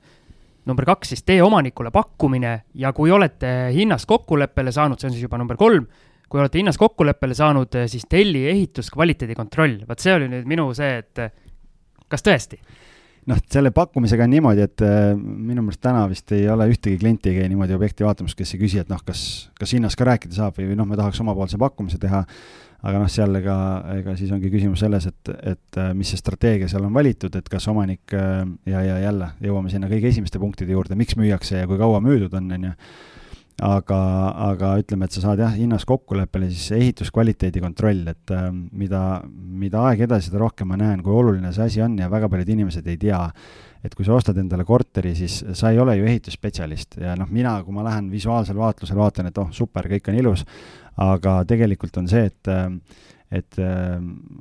kindlasti ma arvan, Siim, teeme eraldi saate ka selle kohta, kutsume, kutsume külla ka, et on olemas äh, üks ettevõte näiteks, keda mina kasutan, ehituskaitsebüroo. äh,, on selline ettevõte, et, ähm, et, et kui kliendid ostavad investeerimiskorterit, siis, siis need, kes tahavad, ma alati saadan, saadan, ta käib seal kohapeal ära, see maksab sõltuvalt, kui põhjalikult tahad, seal kaks-kolm-nelisada eurot ja sõltuvalt objekti suurusest ka muidugi. ja ta teeb täieliku kontrolli ehituskvaliteedi kohta, kõik puudused, kõik asjad, vaatab tehnoseaded üle ja teeb nimekirja asjadest, mis on äh, nagu äh, puudused see ei tähenda seda, et see on kuidagi halb või sa nagu kasutad seda pahatahtlikult hinna läbirääkimiseks, aga see on sulle endale ostjana oluline teada, et võib-olla sealt tuleb, ütleb, et väga puudusi ei olegi, et noh, näed, et siit ühest kohast võib-olla liist on lahti ja, ja mingid asjad, aga noh, siis on sinu nii-öelda kui ostja rida, et mis sa selle infoga peale hakkad. Aga, aga hästi oluline on see näiteks uusarenduse korterite ostmise puhul, et just eile ta käis, ma arendaja nime ei hakka ütlema, ühele investorile ostsime portsu kortereid ja ja nüüd hakkab asjaõiguste aeg kätte tulema, et saame korterid kätte, ta käis, eelmisel nädalal käis ühes teises arenduses, nimekiri oli suhteliselt väike, pisiasjad, väga suuri probleeme ei olnud. Eile käis ühe arendaja objektil, vaatas viis korterit üle, ühel korteril on vaja vannitoa põrand üles võtta, täielikult uuesti valada ja plaatida, sellepärast et Kalle oli vale ja lainetas veel põrand ka pealekauba. Äh, teisel korteril on vaja põrand välja vahetada, sest maalritööde käigus oli parkett lihtsalt äh, tuksi keeratud. Ja, ja kolmas asi oli see, et selgus, et äh, selle, selle maja, parkimismaja on niimoodi ehitatud, et noh, tõenäoliselt miinimumnormidega et väikeklassi autoga saad sõita teisele, kolmandale, neljandale korrusele, aga keskklassi auto või džiibiga ei saa niimoodi, et ära ei kriimustaks või siis pead nii-öelda kaldtee peal edasi-tagasi ukerdama, et saaks normaalselt pöörata. see maksab sulle mõned sajad eurod äh, versus see, et ostad ära ja siis pärast hakkad äh, tegelema sellega, et äh, jageleda seal, et kas on varjatud puudused või ei ole, kas on hea ehitustava või ei ole, et pigem nii-öelda investeeringuna teha see mõnesaja eurone investeering, saad puudused teada, saad kas või ise teada, mida sul on vaja seal parandada, kui on näiteks noh, nii-öelda vanem korter ja, ja või siis jõuame siit ka neljanda punkti juurde, et kui on ikkagi väga palju puudusi, siis saad eh, nii-öelda omanikule näidata, öelda, et kuule, näed, see ja see ja see probleem on, oled sa valmis hinnas natukene järgi andma, sellepärast et mul on vaja täiendavaid investeeringuid teha, millega ma esialgu polnud arvestanud. Need on päris karmid jutud, eh, seepärast et mulle ikkagi nii-öelda tavainimesena tundub, et kui sa ostad uusarendust, siis sa automaatselt eeldad, et noh, kõik ongi uus ja kõik töötab ja kõik on nagu hästi tehtud, aga kui sa räägid siin täiesti mingi vannitoa põranda uuesti valamisest ja kusjuures mingi... ta ütles, et see on hästi levinud äh, probleem. ja siis veel toapõranda ülesvõtmises, siis noh, see on ikka, need on ikka suured asjad, mida võib-olla ootadki korterit mis, mis on kümme aastat tagasi renoveeritud, et sa tead, et sa mingi hetk paned uue põranda no,. just, või, või näiteks äh, seesama klient, kellega ma rääkisin, kelle maja ma ära müüsin ja, ja seal oli näiteks selline probleem, seal ehituskvaliteedi kontrolli käinud, on ju, ja nüüd on selline probleem, et äh, ventilatsiooniseade on paigaldatud vannitoa lae alla, noh, nii nagu see on, see on hea lahendus tegelikult iseenesest, et ta ei ole kuskil esikukapis, et ta ei võta ruumi ja ei tekita müra, aga probleem on selles, et see on, seal on ripplagi. Ja see ventilatsiooniseade on paigaldatud niimoodi, et ta ütles, et ta peab võtma paar nii-öelda plaati ära, aga ta ei saa ikkagi filtreid vahetada, sellepärast et äh, see on seade, äh, karkass on niimoodi paigaldatud, et ta peab mingi ühe või kaks karkassi liistu ka veel lahti võtma, ehk et ta peab justkui pool lage nii-öelda lahti lammutama kaks korda aastas, et äh, filtrit vahetada. Aga noh, see ei ole normaalne, see on ja, ja siis tekkiski see küsimus, noh, et kas see on varjatud puudus või ei ole ja, ja kas sellega peaks tegelema, seda oleks saanud ennetada,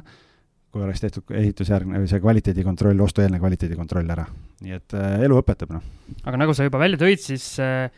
neljas punkt, et vajadusel räägi siis uuesti hinnast, aga mis see tavaline praktika on, et kas siis hakataksegi nii-öelda hinnas alla kauplema või siis äh, loobutakse nendest objektidest, minnakse edasi? noh, näiteks selle uusarenduse puhul äh, need on vaegtööd, on selle asja nimi ja, ja kuna meil on notari aeg on paigas, on ju, siis äh, lihtsalt ongi see, et arendaja ülesanne on nüüd need vaegtööd ära teha, enne kui me notarisse läheme, siis tuleb uuesti minna kohale, kontrollida üle,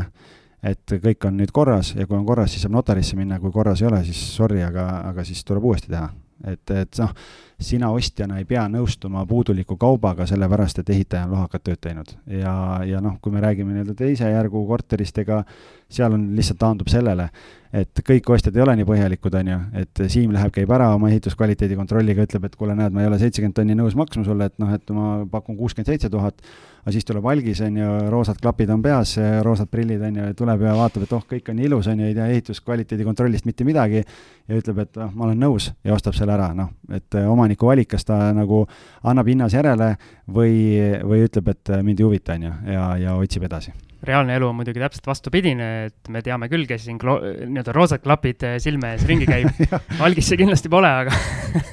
aga põhimõtteliselt olemegi jõudnud lõpule ja viies punkt siis, eh, leppige kokku notari aeg, et kas see on nüüd see hetk, kus eh, on pidu käes ja võib šampused avada? noh, kui kõik eeltöö on põhjalikult tehtud ja üheksa korda mõõdetud, siis ühel peab selle ju lõikuse ära tegema ja, ja siis, kui on nagu tingimustes kokkuleppele saanud ja sa tead, et sa oled kõik asjad ära teinud, mis vähegi võimalik noh, siis, äh, siis tuleb see pidupäev jah, kus saab äh, võtmed kätte ja, ja saad nii-öelda rusikaga lauale ja öelda, et nüüd olen, nüüd olen magnaat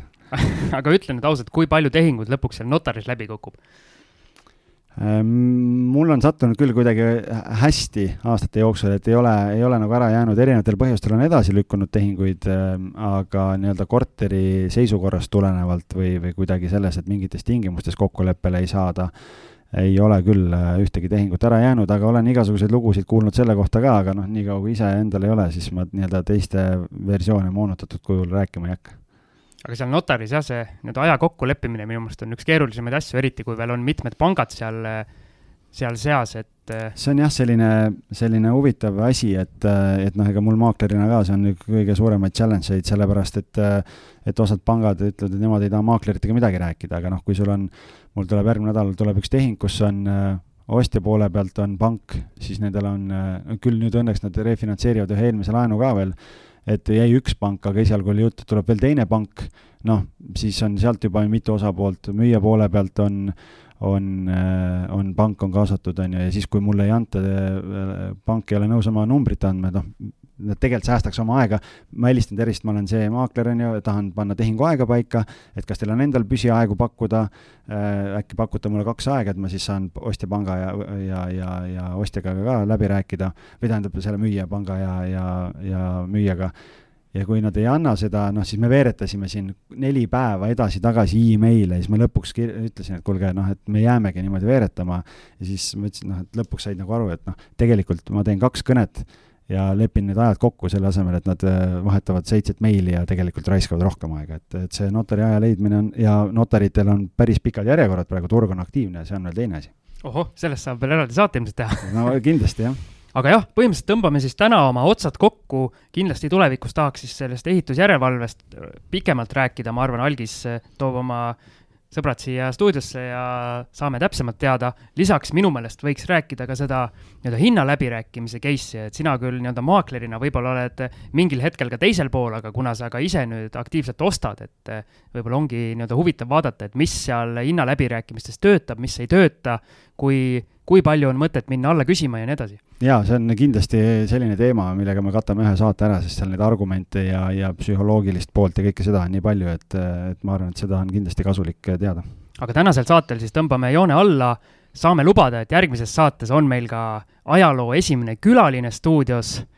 veel me ei avalda, kes see on, aga Aga, kindlasti saab olema huvitav saade. jah, no diiserina võib-olla nii palju võib öelda, et, et, et see saade on mõeldud nendele, nendele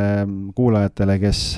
nuputavad, kuidas oma portfelli kasvatada, aga, aga võib-olla täna pankadega kuidagi asjad ei suju nii, nagu võiks ja siis, siis arutame siin ühte võimalikku varianti, mida saaks kasutada selleks, et oma portfell kasvama panna. hakkame rääkima suurtest rahadest. just. aga tänaseks kõik. stuudios olid Siim Semiskar, Algis Liblik, samas koosseisus pluss külaline. jätkame järgmine kord. kõike head